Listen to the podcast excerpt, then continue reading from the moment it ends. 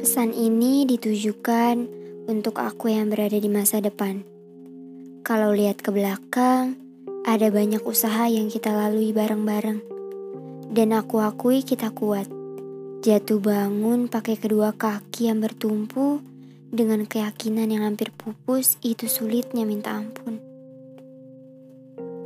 Ingat gak, kita sering punya pikiran untuk lenyap dari tempat ini emosi yang berubah secepat kilat, atau overthinking tiap malam, semuanya bikin aku mikir apa keberadaanku dibutuhkan di dunia ini. Tapi dari semua rasa pahit itu, aku bersyukur masih ada orang yang datang padaku, menemani sepiku, dan berusaha semaksimal mungkin mendengar cerita yang kelewat pilu. Mereka bilang aku kuat, aku hebat, aku anak baik. Bisa berjalan sendirian dengan hiruk pikuk mulut manusia yang membuatku mual. Kalimat caci maki seperti kudapan untukku. Itu yang membuatku hidup, yang membuatku bertahan dan mencoba membangun jati diri yang lebih baik. Membangun aku dengan bentuk yang lebih tegar. Tuhan memang sudah memberitahu kepada umatnya bahwa ujian yang diberikan pada kita itu sesuai dengan kemampuan kita dan itu memang benar adanya.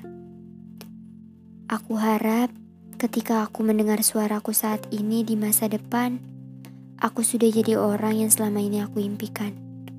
Aku sudah menjadi sosok yang menginspirasi untuk diriku dan orang lain. Dan yang paling penting, aku sudah mulai menerima semua kenangan pahit yang terjadi di masa lalu dan mencoba memupuknya dengan sebongkah kenangan indah. Hai aku di masa depan. Kuharap hal bahagia mendatangimu dan bisa menghapus hal kelam yang membuatmu terbelenggu oleh luka. Sudah cukup menangisnya. Aku tidak tega jika di masa depan kau akan menangis dan terluka lagi.